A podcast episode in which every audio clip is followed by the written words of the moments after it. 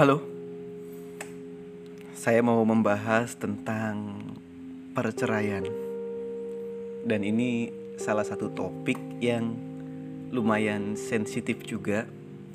Karena barusan saya habis post, saya post di TikTok dan itu rame banget. Ada ratusan ribu orang yang melihat, yang nonton, uh, terus ada ratusan orang yang komentar dan di situ pro dan kontra. Ada yang setuju dengan postingannya dan ada yang nggak setuju dengan postingannya.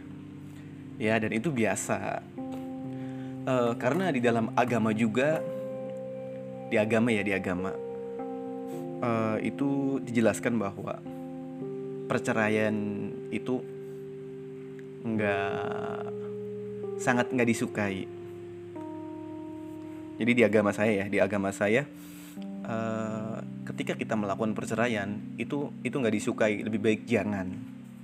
Oke, kita melihat dari sisi itu.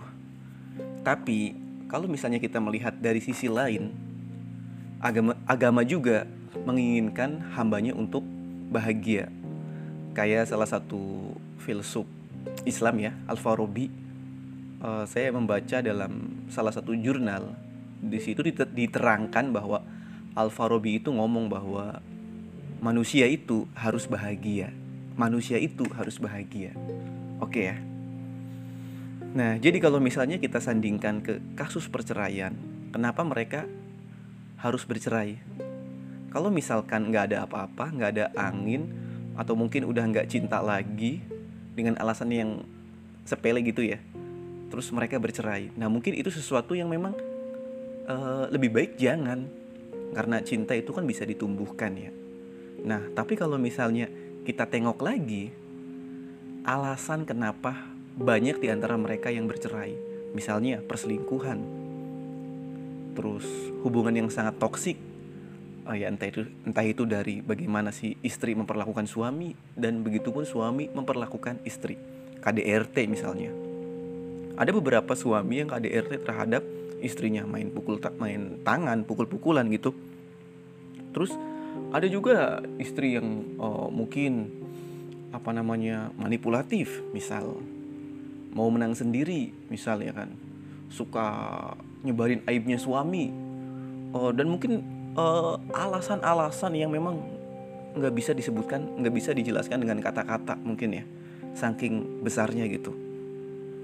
Dan ada beberapa di antara mereka yang sampai bunuh diri. Ada. Kita nggak bisa menutup mata ya bahwa ada di antara mereka yang bunuh diri. nah kalau misalnya alasannya udah seperti itu, apakah Islam akan uh, uh, agama saya Islam ya? ya agama Islam ya uh, agama saya Islam.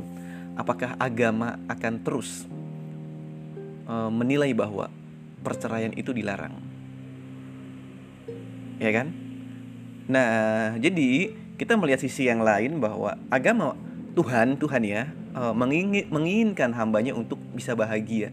Gimana caranya bahagia? Ya di podcast-podcast eh, episode-episode saya sebelumnya, saya udah membahas bagaimana caranya bahagia ya. Yaitu dari persepsi kita terhadap uh, dunia jadi bagaimana kita mengatur persepsi kita, bagaimana cara berpikir kita untuk agar agar kita bisa bahagia.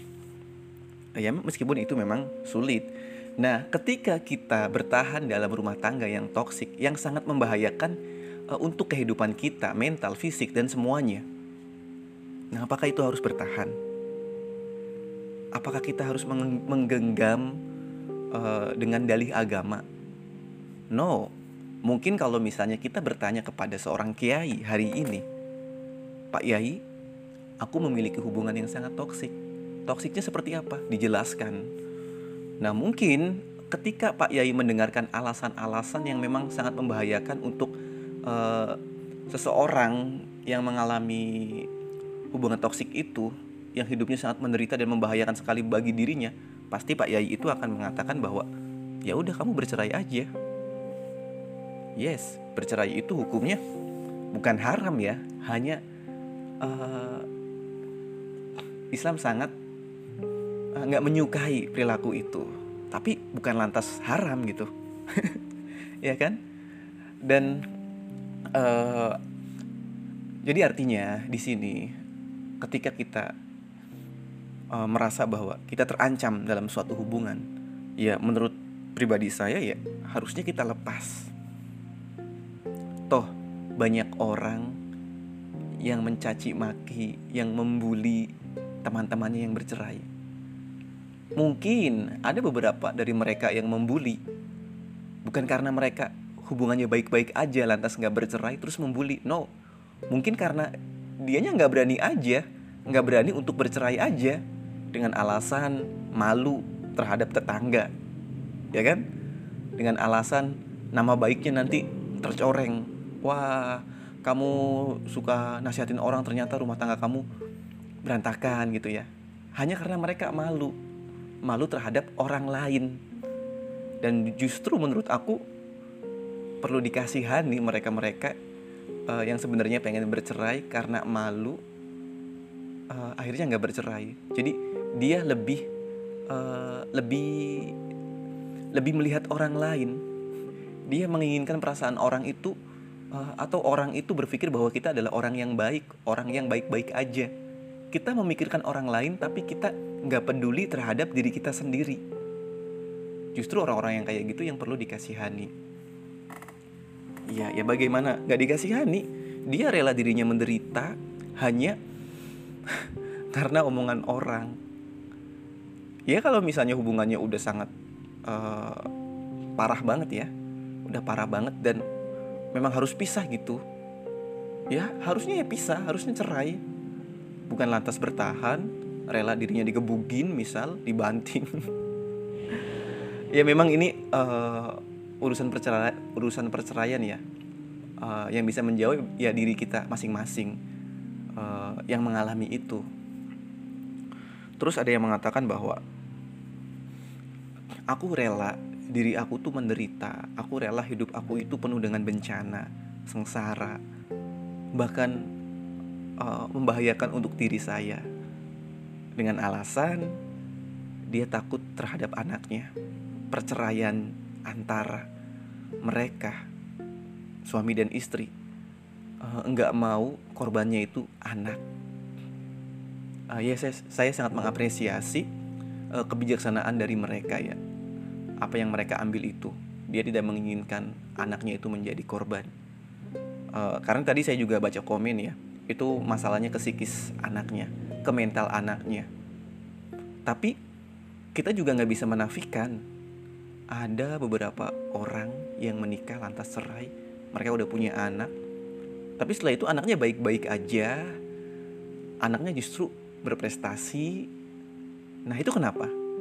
Mungkin orang tuanya yang uh, mampu untuk memberikan edukasi, memberikan pengarahan, uh, terus menasihati dengan cara yang baik. Jadi mungkin ya di sini ya, cobalah untuk melihat ke diri kita, jangan melihat ke orang lain. Uh, kita jangan menyalahkan dari luar gitu. Nanti anak kita gimana? Ya kamu yang gimana? Kamu uh, bisa nggak nanti ketika cerai mendidik anak kamu tanpa seorang bapak atau tanpa seorang ibu? Karena bagaimanapun juga kita nggak bisa menafikan loh banyak banyak anak-anak korban dari orang tuanya cerai, tapi mereka uh, bisa berprestasi, berprestasi dan psikis mereka aman-aman aja. Nah ini tugas dari seorang uh, orang tuanya, dari ayah dan ibunya. Iya enggak? Toh gini loh, ada uh, ada nih ya, ada sepasang suami istri yang mereka itu nggak harmonis lagi. Setiap hari KDRT uh, bertengkar Nah, mereka tuh menginginkan untuk berpisah. Tapi mereka menahan egonya agar anaknya itu tidak menjadi korban. Nah, tetapi nih, tetapi ya, ternyata anak itu besar dengan tekanan mental yang sangat dahsyat, dengan penderitaan yang sangat dahsyat karena melihat orang tuanya yang setiap hari bertengkar. Jadi, bercerai dan tidak bercerai, si anak itu tetap menjadi korban. Ya enggak?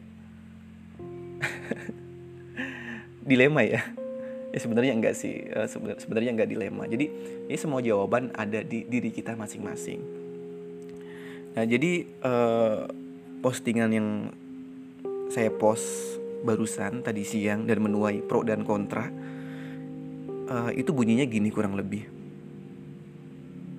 Perceraian itu bukan tragedi. Justru tragedi itu adalah ketika kita bertahan dalam hubungan yang toksik. Kurang lebih kayak gitu ya di postingan aku di TikTok.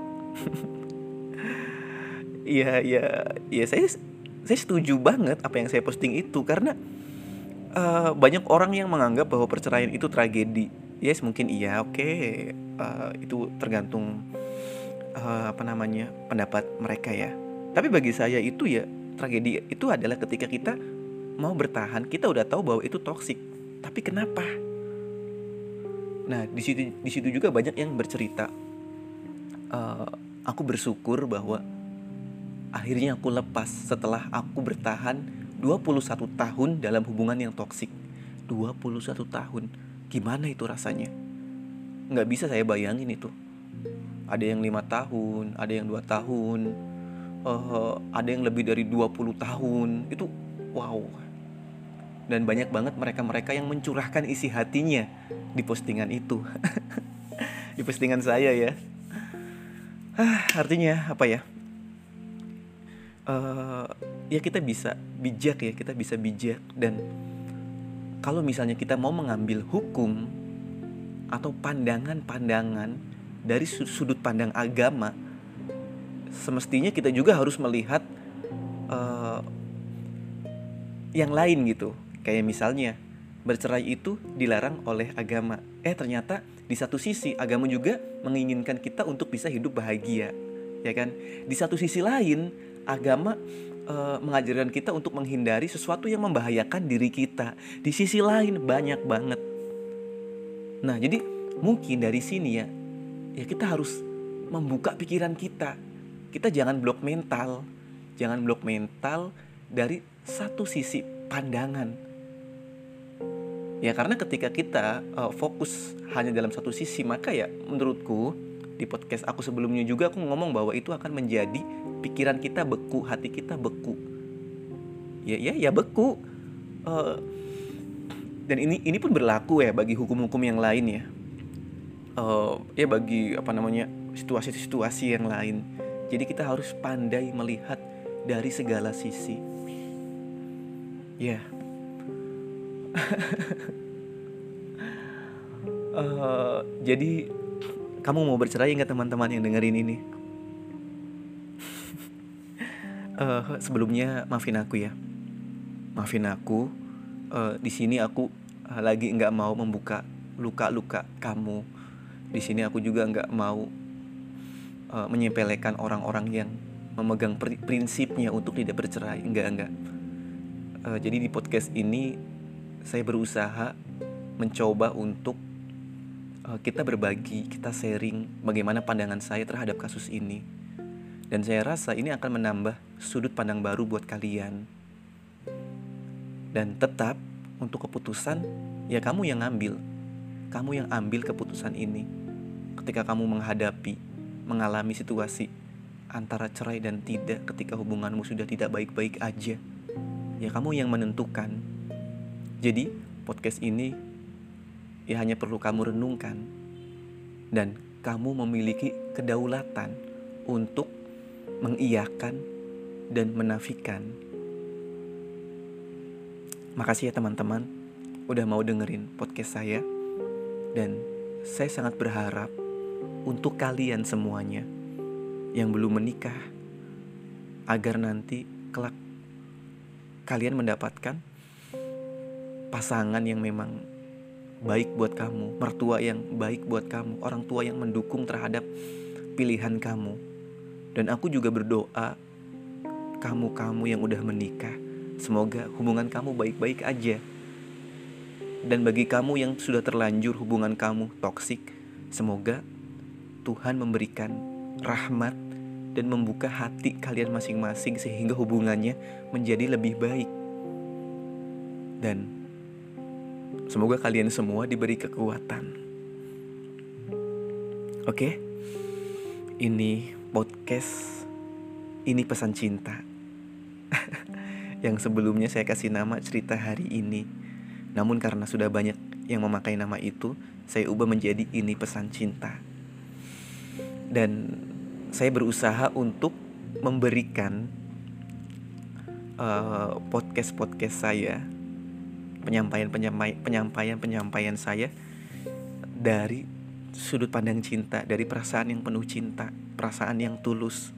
Dan semoga atas ketulusan saya menyampaikan ini bisa diterima bagi teman-teman. Dan terima kasih kalian sudah mendengarkan sampai detik ini. Artinya kalian mengapresiasi saya. Dan jika berkenan silakan untuk ikuti podcast ini. Uh, subscribe ya. Dan teman-teman juga bisa berkeluh kesah, bisa curhat bisa DM saya di Instagram ini pesan cinta atau di Twitter juga username-nya sama ini pesan cinta. Tanpa titik tanpa underscore tanpa tanpa apa ya. Uh, jadi cari ini pesan cinta itu add ini pesan cinta sambung. Jadi buat teman-teman yang mau ngobrol uh, empat mata nanti kita rekaman pakai platform apa ya uh, jadi nanti teman-teman bisa bersuara bisa ngomong dan nanti aku masukin ke podcast atau mungkin kamu punya pertanyaan, uh, silahkan ajukan pertanyaan nanti saya bahas di podcast. Atau kamu punya tema, kayaknya ini bagus deh untuk dibahas. Nah nanti saya bahas. Kurang lebihnya saya ucapkan terima kasih untuk semuanya. Semoga buat teman-teman selalu diberi kekuatan, kesehatan, kebaikan, rahmat yang tercurahkan. Sampai jumpa.